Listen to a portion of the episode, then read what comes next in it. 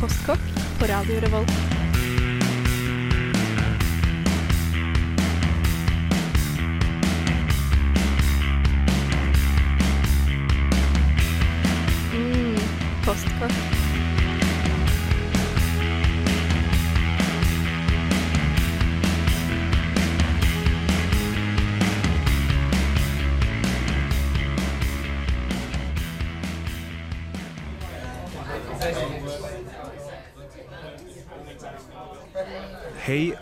God ettermiddag, og velkommen til en ny runde med Postkokk. I dagens sending så skal vi ha om eh, puben. Eh, den erketypiske, eh, gamle, alltid der. Eh, ditt third place eh, om du studerer sosiologi. Og eh, en veldig koselig plass å være. Hvor langt har puben kommet siden eh, den kneipa som du bare tar deg en pils på for å se gamle, kjente fjes? Eh, finnes det noen god mat på puber? Finnes det en helt ny type pub? Og er pubgangerne de samme som de var før? Eh, herre og mer på dagens episode av Postkokk. Vi må selvfølgelig eh, høre litt musikk òg, og her får du en som eh, satt svært god pris på en god pub, nemlig Tom Waits med låta 'Badass Me'.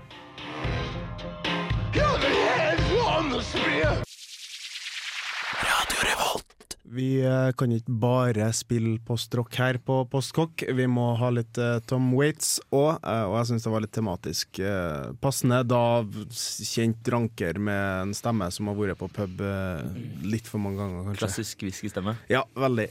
Og hvem sin ikke klassiske whiskystemme hørte vi der?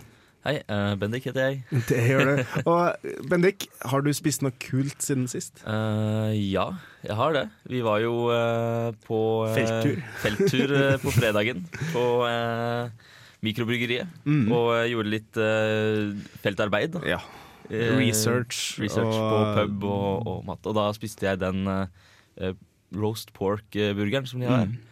Og den var helt nydelig, altså. Ja, er, de er veldig kjent for den. Uh, en roast pork burger. Det er da pulled pork, som det kalles på amerikansk. Eh, sånn eh, skulderstykke av gris. eh, Mm. Langtidsstekt på relativt lav varme, sånn at det er sånn tear from the bone, som det kalles. Det da. bare fliser seg opp, og du kan ta det rett av beinet. Ja, og deilige, deilige slingser av grisekjøtt. eh, dekt i da eh, Barbecue-saus. barbecue-saus. Ja, det var noe av det beste jeg har spist uh, ute i Trondheim. Jeg vet at, uh, eh, vet at Jens Erik Woller Våler, som også var med oss, tok da bacon på sin pulled pork. så da har vi da uh, faktisk Svin på svin? Ja, vi har bokstavelig talt smør på flesk, Ja. eh, mer eller mindre. da. Mm. Andreas Gregersen, god ja, dag. hei, god dag. Har du spist noe kult i hele Eh, tatt? Du har jo hatt eksamen, Jeg, vet jeg jeg. har hatt eksamen, eh, så, og klarte liksom for å feire at eksamen var over, så brukte jeg opp alle pengene mine dagen etterpå på Ja. øl. Og Hurra! ja, hurra, hurra! Eh, Så når dere var ute og sjekka ut eh, pubkultur, så var jeg hjemme og var blakk, men da bakte jeg eh, veldig gode sjokoladekjeks. Ja. Som eh, jeg bakte veldig mye, så jeg har hatt hele helga. Um, så jeg er litt sånn rar i magen fordi jeg har spist veldig mye sjokoladekjeks. Og det er, liksom, det er det rareste jeg har spist siden sist. da Ja. Nei, men det er jo ikke Det var godt, da. Ja, det er godt med sjokoladekjeks. Ja. Uh, Sjøl så spiste jeg Jeg bestilte meg eh, en sånn her litt sånn dagens. Uh, Ja, Den virka veldig spennende, den òg. Ja, Uh, pølse Altså bangers and mash, som det kalles i eh, Storbritannia. Ja. Eh, altså pølse og potetstapp, mer eller mindre. Mm. Nå Men skulle du nesten uh, spilt uh, Skulle du nesten hatt den låta som heter Banger Spin and Mash. Har du hørt den? Oh, ja, nei. Det er en tullelåt, men uh, den er litt morsom. Ja. Ja. Eh, Søk den opp hvis du har lyst til det. Klassisk. Jeg tror den ligger inn på lista vår. men det var i hvert fall hjemmelaga pøls Ja. Og eh, potetstapp, også hjemmelaga. Og så Mm. surkål og um, noe så rart som uh, sennepsmarmelade. Ja, uh, som var litt sånn søtlig uh, Mm. Dijon-sennep-greier. Det var i hvert fall helt nydelig. Ja. Hva ble slags pølse var det? Vet du det? svinebasert. Det var Ja. liksom litt hvit og krydrete og litt sånn der. Mm. Uh, men absolutt å anbefale. Altså, jeg vet ikke om de eh, fortsatt har den. Vi, vi skal snakke litt mer om vårt uh, feltarbeid uh, i Trondheims eh, eneste så langt mikrobryggeri. Ja. uh, som da selger rett fra bryggeriet sjøl, på en måte, da, i hvert fall. Eh, vi, skal, vi skal snakke litt om hva som gjør en bistro, hva som gjør et eh, sånn her mikrobryggeri, og hva som gjør et gastropub.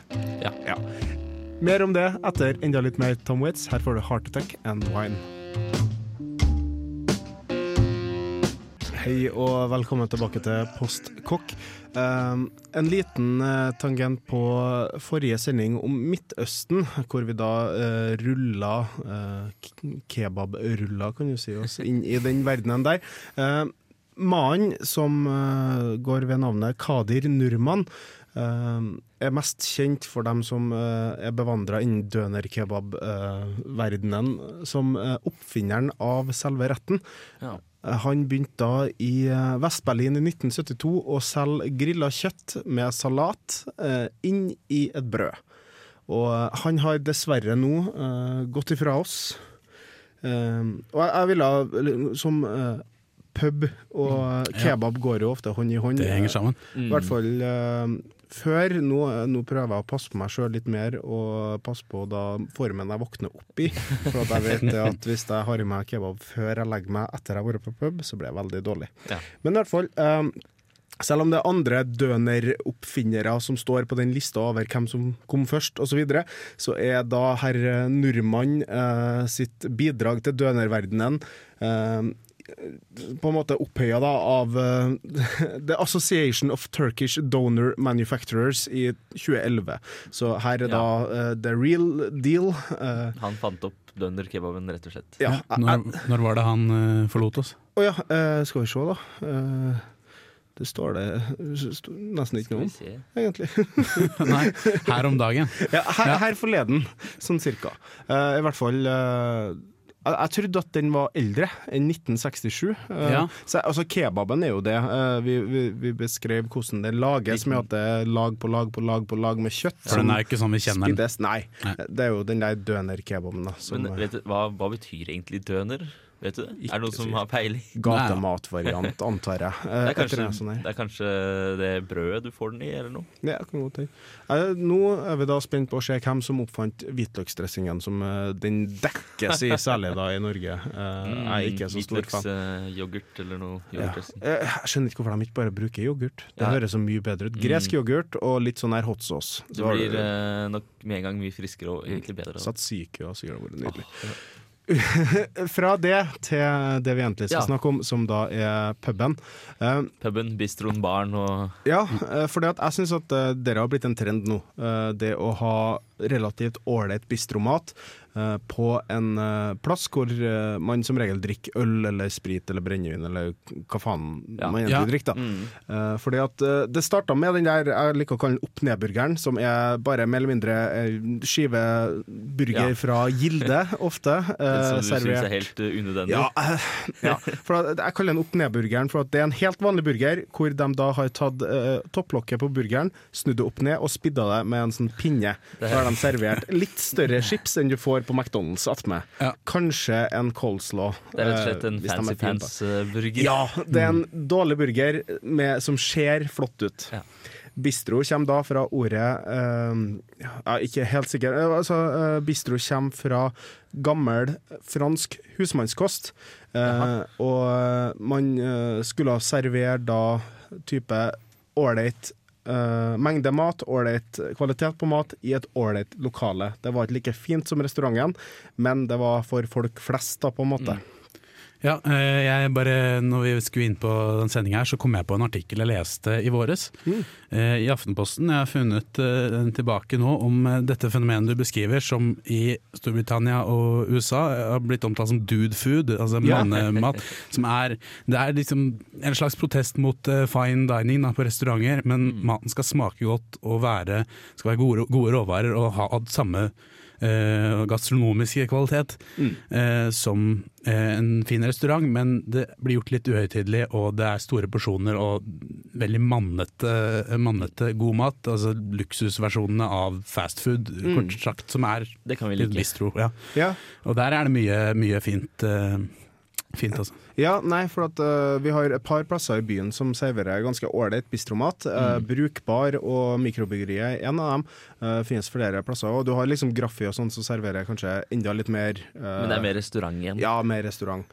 Mens på Brukbar og mikrobryggeriet kan du sette deg ned og ta en øl, samtidig som du bestiller Ja. en ålreit burger. Det er også Paradise. Ja, Paradise er veldig flink på. De er veldig eh, på den der amerikanske diner-følelsen, så de har veldig masse milkshaker og ordentlig burger og sånt noe. Mm. Og Ja. diner er det jo den amerikanske bistroen, på en måte, Ja. si. Det er på en måte det.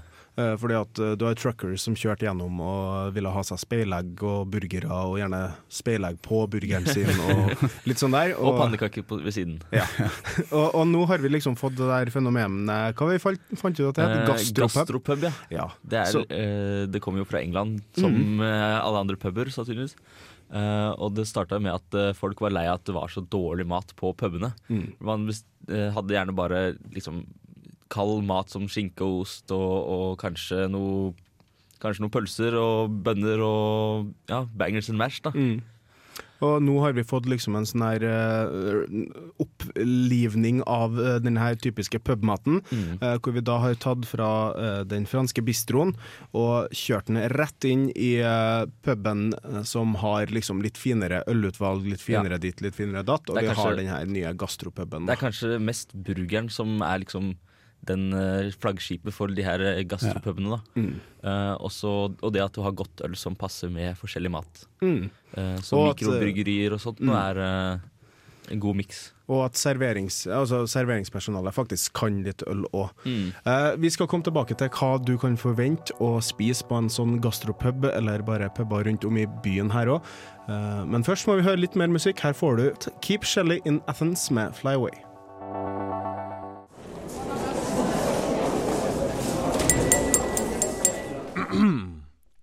Postkokk. Vi har da kommet et godt stykke ifra å bare varme opp ei eh, fiskekake i mikroen, som enkelte, eh, i hvert fall kneiper i byen her, brukte å gjøre for dem som var litt uh, tørst og kanskje ikke hadde fått i seg så mye å spise i løpet av dagen. Eh, vi har gått over til dagens suppe og dagens rett, og Ja. det finnes mye mer på menyen enn eh, bare nachos uten noe servert med ei kjip skål med salsa. Mm. En av de tingene som er populært å servere for tida, er løksuppa. Eh, gjerne da eh, laga fra bunnen med ordentlig kraft og eh, gratinert i ovn, sånn som tilfellet er til løksuppa. Potetsuppe, tomatsuppe, blomkålsuppe er også populært å servere. Og det er på en måte er litt ute etter, da, er på en måte favoritter som kanskje vi har lyst til å se i eh, puben, og som eh, kanskje vi kan klare oss uten. Og Andreas, du hadde jo en historie fra Skottland. Ja, jeg savner jo den, det litt i Norge. Jeg var eh, i Edinburgh for noen år tilbake, og eh, der var det en veldig fin kultur på puber og vertshus rundt omkring at de serverte haggis, som er denne kjente myteomspunne eh, skotske retten. Mm. eh, som er, blir en slags pølse. Det er kjøtt og innmat og eh, løk blant annet, og krydder kokt i en sauemage. Og det, jeg var på klassetur der, da, og omtrent hele klassen min syntes at det var litt ekkelt, bortsett fra meg og læreren min, eh, som vi hadde bestilt eh, til hele klassen. Men så ble jeg og læreren min sittende med haggis for 20 mann. Så, så, Men det var helt fantastisk. Og det minner litt om lungemos, bare bedre. Ja. Og, og det er jo definitivt eh, skotsk husmannskost, men eh, jeg syns eh, ja, jeg, jeg, jeg skulle likt å ha det her i Norge også. Mm. Jeg ser for meg at det er, jeg har aldri spist det før, men eh, jeg ser for meg at det er litt grisete, kanskje. Men eh, Det det kanskje har du spist lungemos? Eh, Nei, det har jeg heller ikke spist. Nei, det minner om lungemos, bare at det, det smaker mer kjøtt og smaker friskere, bedre, Mm. eh, egentlig. Så, Ja, så, det er absolutt å anbefale. Ikke Nei, ekkelt i det Skal prøve å komme til Skottland eh, en gang, så Ja. da må jeg jo spise det da. Ja, og det, det som også jeg prøvde å på en måte eh, formidle, eh, var eh, hva av norsk kusin, for å kalle det, eller norsk mat, da kan vi prøve å kanskje finne på puben uten å låne for mye fra Frankrike og Ja. England og USA, da, på en måte. Mm. Du, mens vi hørte på musikk her, så nevnte du jo spekemat. Mm. Og det er, veldig, det er jo sånn fingermat som er eh, enkel å lage og enkel å spise, og, og syns jeg kan passe godt. da. Mm. Det blir på en måte nesten som en eh, eh, norsk eh, tapas hvis du har litt andre ting. Du kan ha røkelaks eller oster og sånt noe. Det vil gå hånd i hånd med ølservering, det. så- Ja, ikke sant? Sjøl er jeg også en veldig stor fan av saltkjøtt. Mm. Og jeg kunne tenkt meg det at saltkjøtt og kålrotstappe dandert på en fin tallerken kunne ha vært en eh, stor hit blant mange puber. Ikke bare da får du det saltsuget Ja. som du ofte har når du drikker øl, eh, men du får også en eh, god eh, unnskyldning til å kjøpe deg enda mer øl. Ja.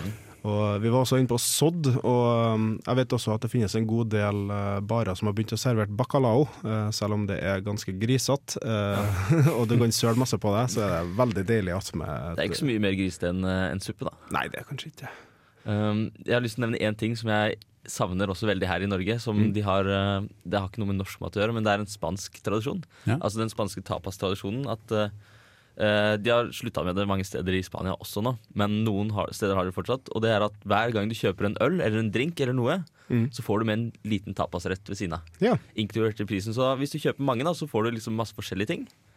Uh, og så får du litt sånn småstacks hele tiden. Mm. Det, det syns jeg høres helt konge ut. Ja, det har vel kanskje forsvunnet mer med finanskrisa. Eh, Det, det kan godt hende. Ja, ja, men jeg, forestiller meg også at øh, det er et helvete for dem som jobber der. Eh, Ja. i hvert fall da, eller altså, Hvis de har alt sammen preparert, og øh, mye av tapasen er jo kald. Det er nok, Eh, eh, det er nok mest sånn kalde ting som de bare har på en liten skål, og så går det kjapt å og mest gir for ut eh, eh, høflighetens skyld, ja, kanskje. Ja, og, og, og kosen, da. ja, ja, ja. Det er jo- god stemning. Altså. selv om, altså Hvis du ikke har eh, spist så mye fra før og har tenkt å drikke mye, så får du automatisk ganske mye med mat med. Så Ja. Da slipper du å bli helt ødelagt dagen Nei, jeg er fan av det. Jeg. Mm. Uh, vi må selvfølgelig høre litt mer musikk, og vi skal inn på uh, sendinga sin første post-rock-låt. Det her heter I am, uh, det her bandet heter I Am Waiting For You Last Summer, og låta kommer fra plata Edge Party, og den heter Event Horizon.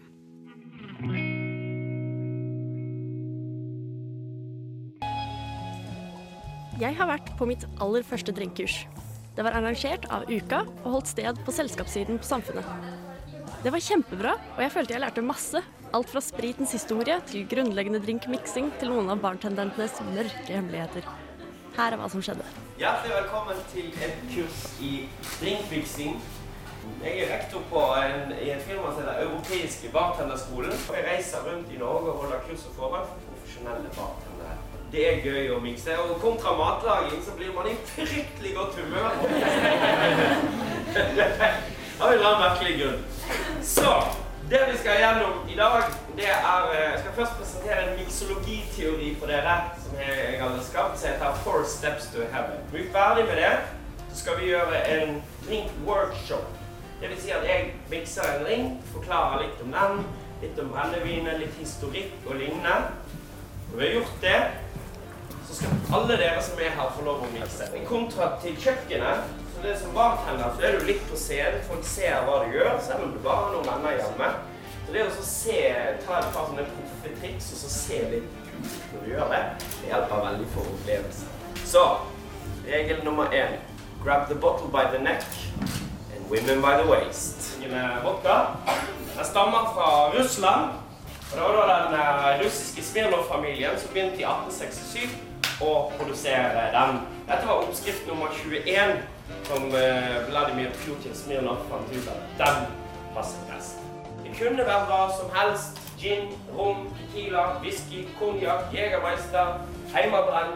Dette funker med alle typer brennevin det vi skal snakke om i dag. Det er fire steg vi skal ta brennevinet vårt igjennom. Det første steget er temperatur, og da i hovedsak is. Steg nummer to handler om balanse i, eh, i miksen vår. Nummer tre hvordan vi skal jobbe med definerte smaker. Og nummer fire handler om mengde. Temperatur. Når vi mikser drinker, så er det ganske fordelaktig å fylle glasset med is. Da blir drinken kald mye fortere, og så holder den seg fersk mye lenger. Sant? Hvis du skal ha hjemme alenefest eller forspill, ha nok.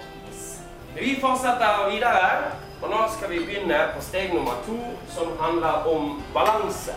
Jeg skal nå balansere brennevinet med noe surt og noe søtt. I dette tilfellet her har vi vært så heldige at de har presset frisk sitronjuice til oss. Det her er en sånn Hellstrøm-tanke med ferske råvarer. Og så skal jeg balansere denne syrlige juicen med noe søtt, og i dette tilfellet er det sukkerlake. Kjempeenkelt å lage.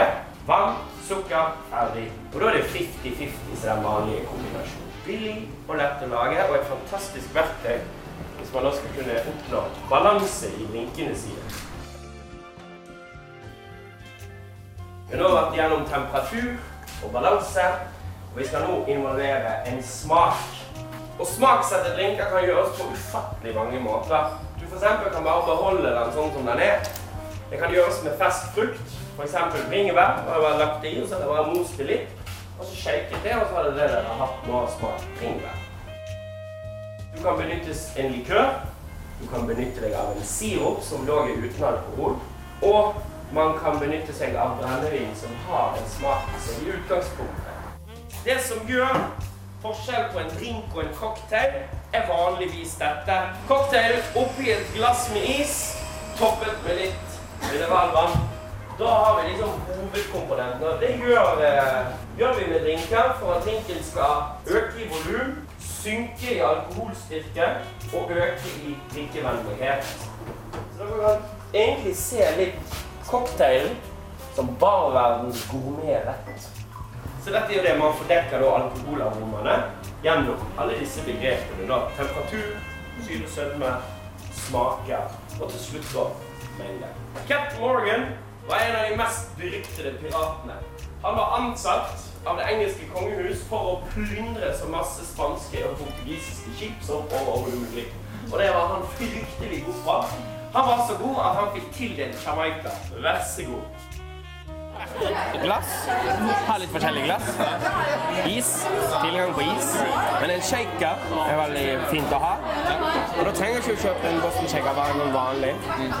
En røreskje, en uh, mødler til å mose. Og utover det så klarer man seg ganske fint. Bare husk å ikke ta glasset ned i isen. For da, hvis det knekker av biter, så ser du det. Så det er litt sånn sikkerhet på det. Vi skal da som en fin avrunding ha Baileys og kaffe. Og si kjapt at eh, når de laget Baileys, var egentlig målet å lage ferdig Irish coffee på flaske. Det lyktes de ikke helt med, men de klarte å lykkes med å skape verdens mestselgende likør. Og vi skal nå lage Baileys og kaffe for å få den lille dessert dessertfølelsen til slutt. Og her skal vi lov å prøve oss å frikjenke, så vi tar glasset. Og så gjør vi én, to, tre, fire. Oss. Kommer bort her, løfter opp, og vi har og kaffe. Veldig fornøyd. Over forventningene, ja. Vi har mista tellinga på hvor mange drinker vi har fått drukket. Det er sånn sju-åtte, i hvert fall med de første vi fikk servert. Har miksa sånn seks-sju sjøl, tror jeg. Har ikke anelse. Veldig fornøyd, veldig fornøyd.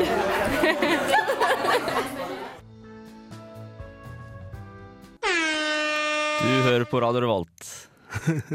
Det gjør du rett i. Eh, der hørte du Osk, trondheimsbasert. Før det så hørte du eh, Astrid Mogstad, også trondheimsbasert, men kommer fra landet Sørlandet. Eh, hun hadde vært på drinkkurs under uka, og mm. hørtes ut som hun hadde det veldig trivelig. Ja. Jeg vet ikke om hun fikk drikke drinkene. Eh, Hadde hun kjøpt billett, eller var det nei, jeg tror jeg var som presse, ja. Jeg okay. fikk jo ikke øl på mitt ølkurs. ikke... Det statuerte vi i forrige sending. henger med det fremdeles. fikk sikkert ikke smake på drinkene, men det er kanskje litt mer Det er kanskje ikke så viktig på et sånt drinkkurs. eh. Nei. I forhold til ølkurs, mener du? Ja, Det er litt nei. mer oppskriftbasert, kanskje. Ja, Ja. ikke sant. Eh, Det føltes som om de på en måte lærte litt mer hvordan de skulle lage Mm. i sine egne drinker hjemme, og, og fikk litt innføring i, i bareffekter, sånn som Mm. den Boston Shaker, og han nevnte mødler og røreglass, nei, røreskje og sånt. Mm.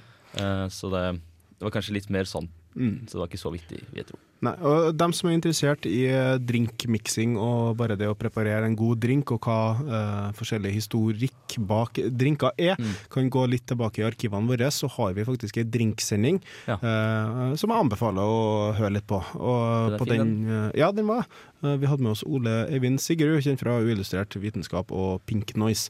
Så tenkte jeg også å spørre Andreas, har Ja. du noen favorittdrink? Ja, jeg har to favorittdrinker, faktisk. Jeg klarer ikke helt å velge, eh, men de er begge veldig enkle, nesten litt kjedelige. Eh, Men de baserer seg på gode råvarer. Den første er gin tonic, mm. og da skal det være med gin type Hendrix med ah, ja. agurk istedenfor lime. Ah, okay. Eh, det blir en veldig interessant eh, smak, em, som jeg liker veldig godt. Og så har vi denne old fashioned, eh, som er er eh, den opprinnelige cocktailen. Mm. Som er whiskybasert med dasher bitters oppi, ja, bitters. og, og appelsinskall. Mm. Eh, som Du er avhengig av å ha en god Og eh, det skal være kirsebær i òg. Eh, det Egentlig. eh, Jeg tror ikke det. Eh, Du kan ha det. Ja. Um, men jeg tror ikke Jeg tror det er noe som har kommet etterpå. Jeg, får, okay. Jeg undersøkte det er veldig nøye. Ja. Men det, har du en god whisky, så blir det god, uh, god old fashion. Mm. Mm. Bendik. Uh, yndlings uh, Jeg er veldig glad i old fashion, jeg også. Ja. Uh, og så er jeg veldig glad i caipirinha, Mm.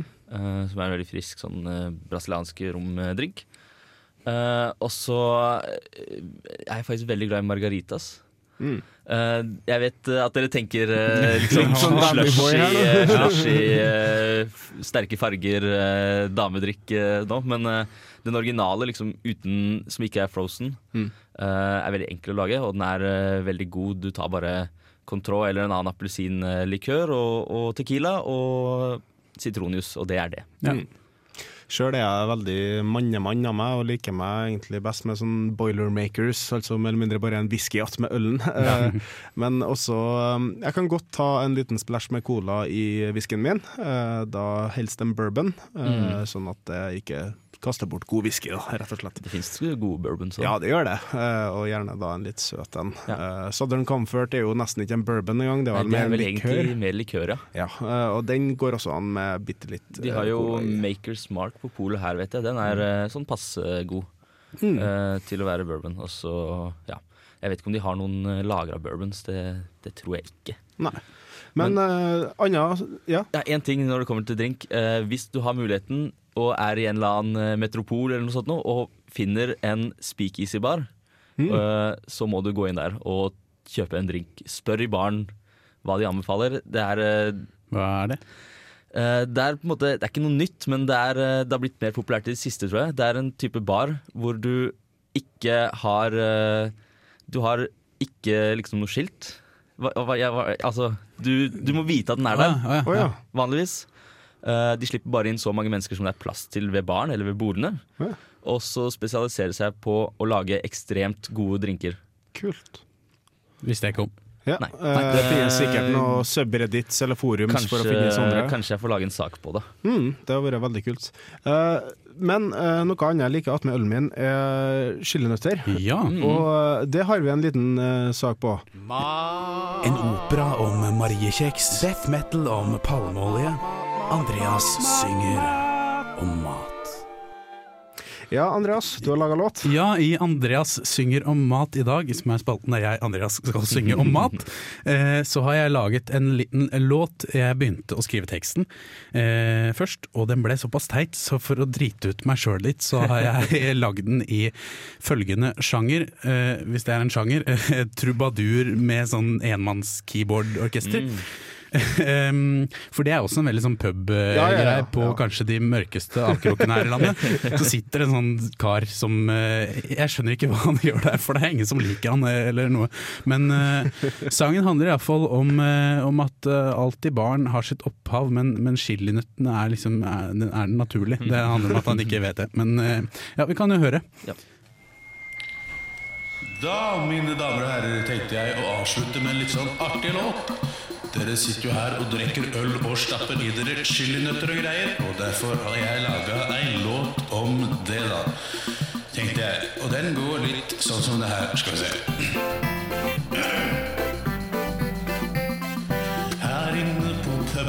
Puben så sitter mange kunder. Dem er trivelige og kloke, men jeg syns det er et under at de eter og drikker og ikke veit likevel at alt de døtter i seg her, det lager seg ikke sjæl.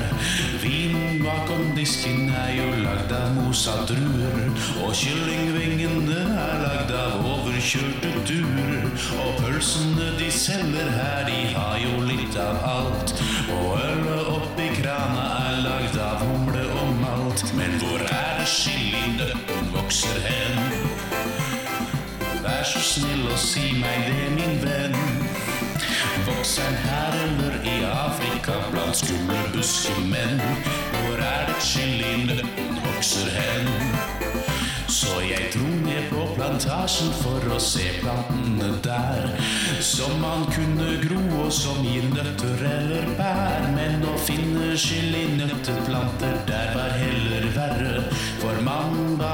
Mannen kassa så på meg og sa dessverre. Mens han stappa opp en panplante oppi neven min.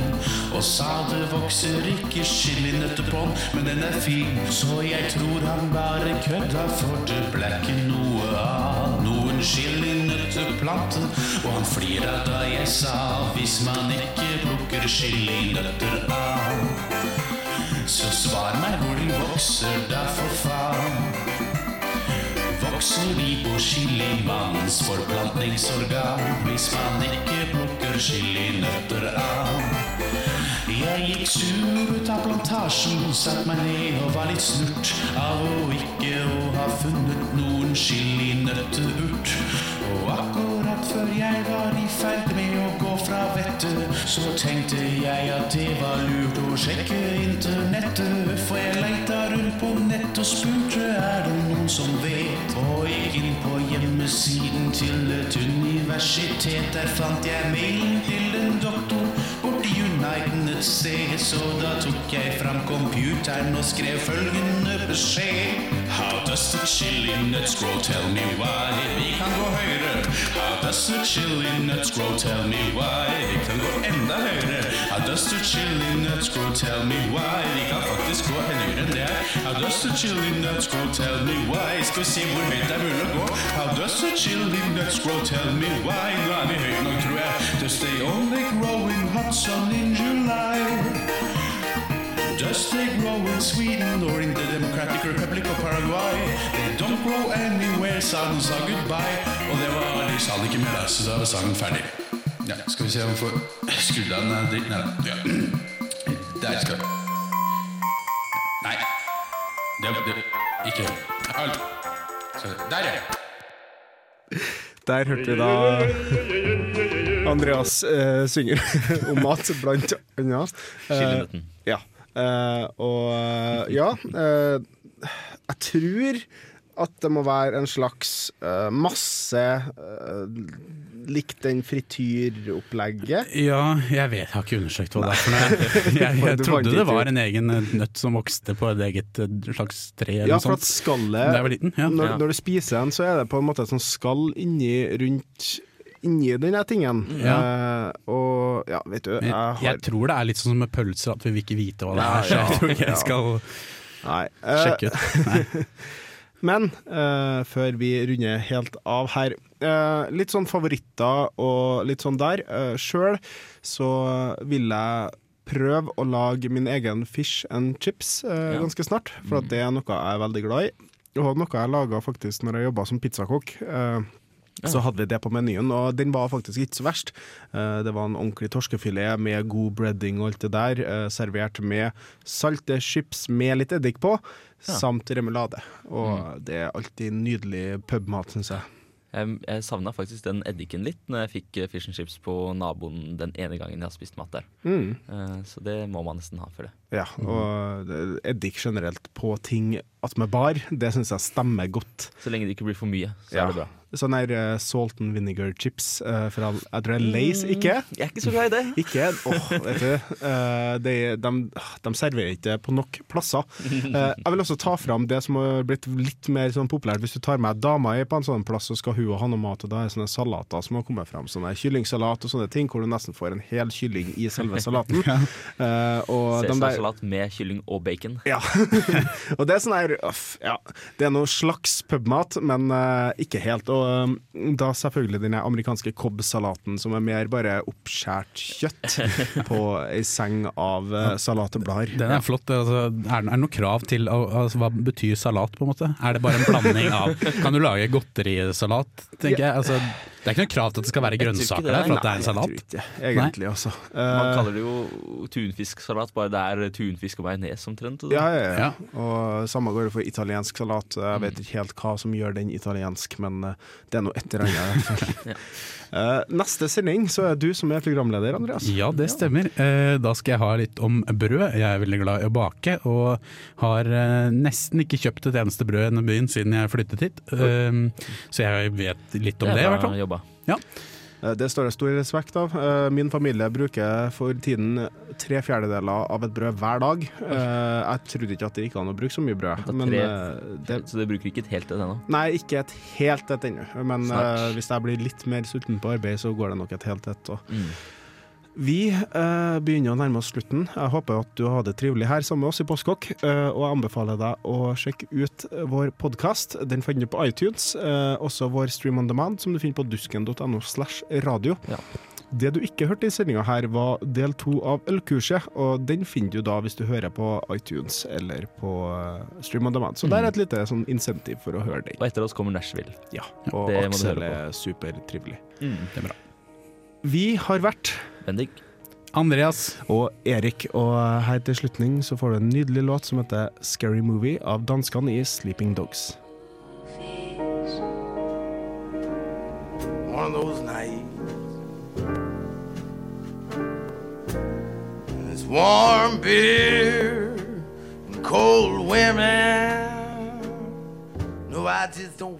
Velkommen til del to av ukas ølkurs nede på Strossa med ukas egen bryggemester Ulrik.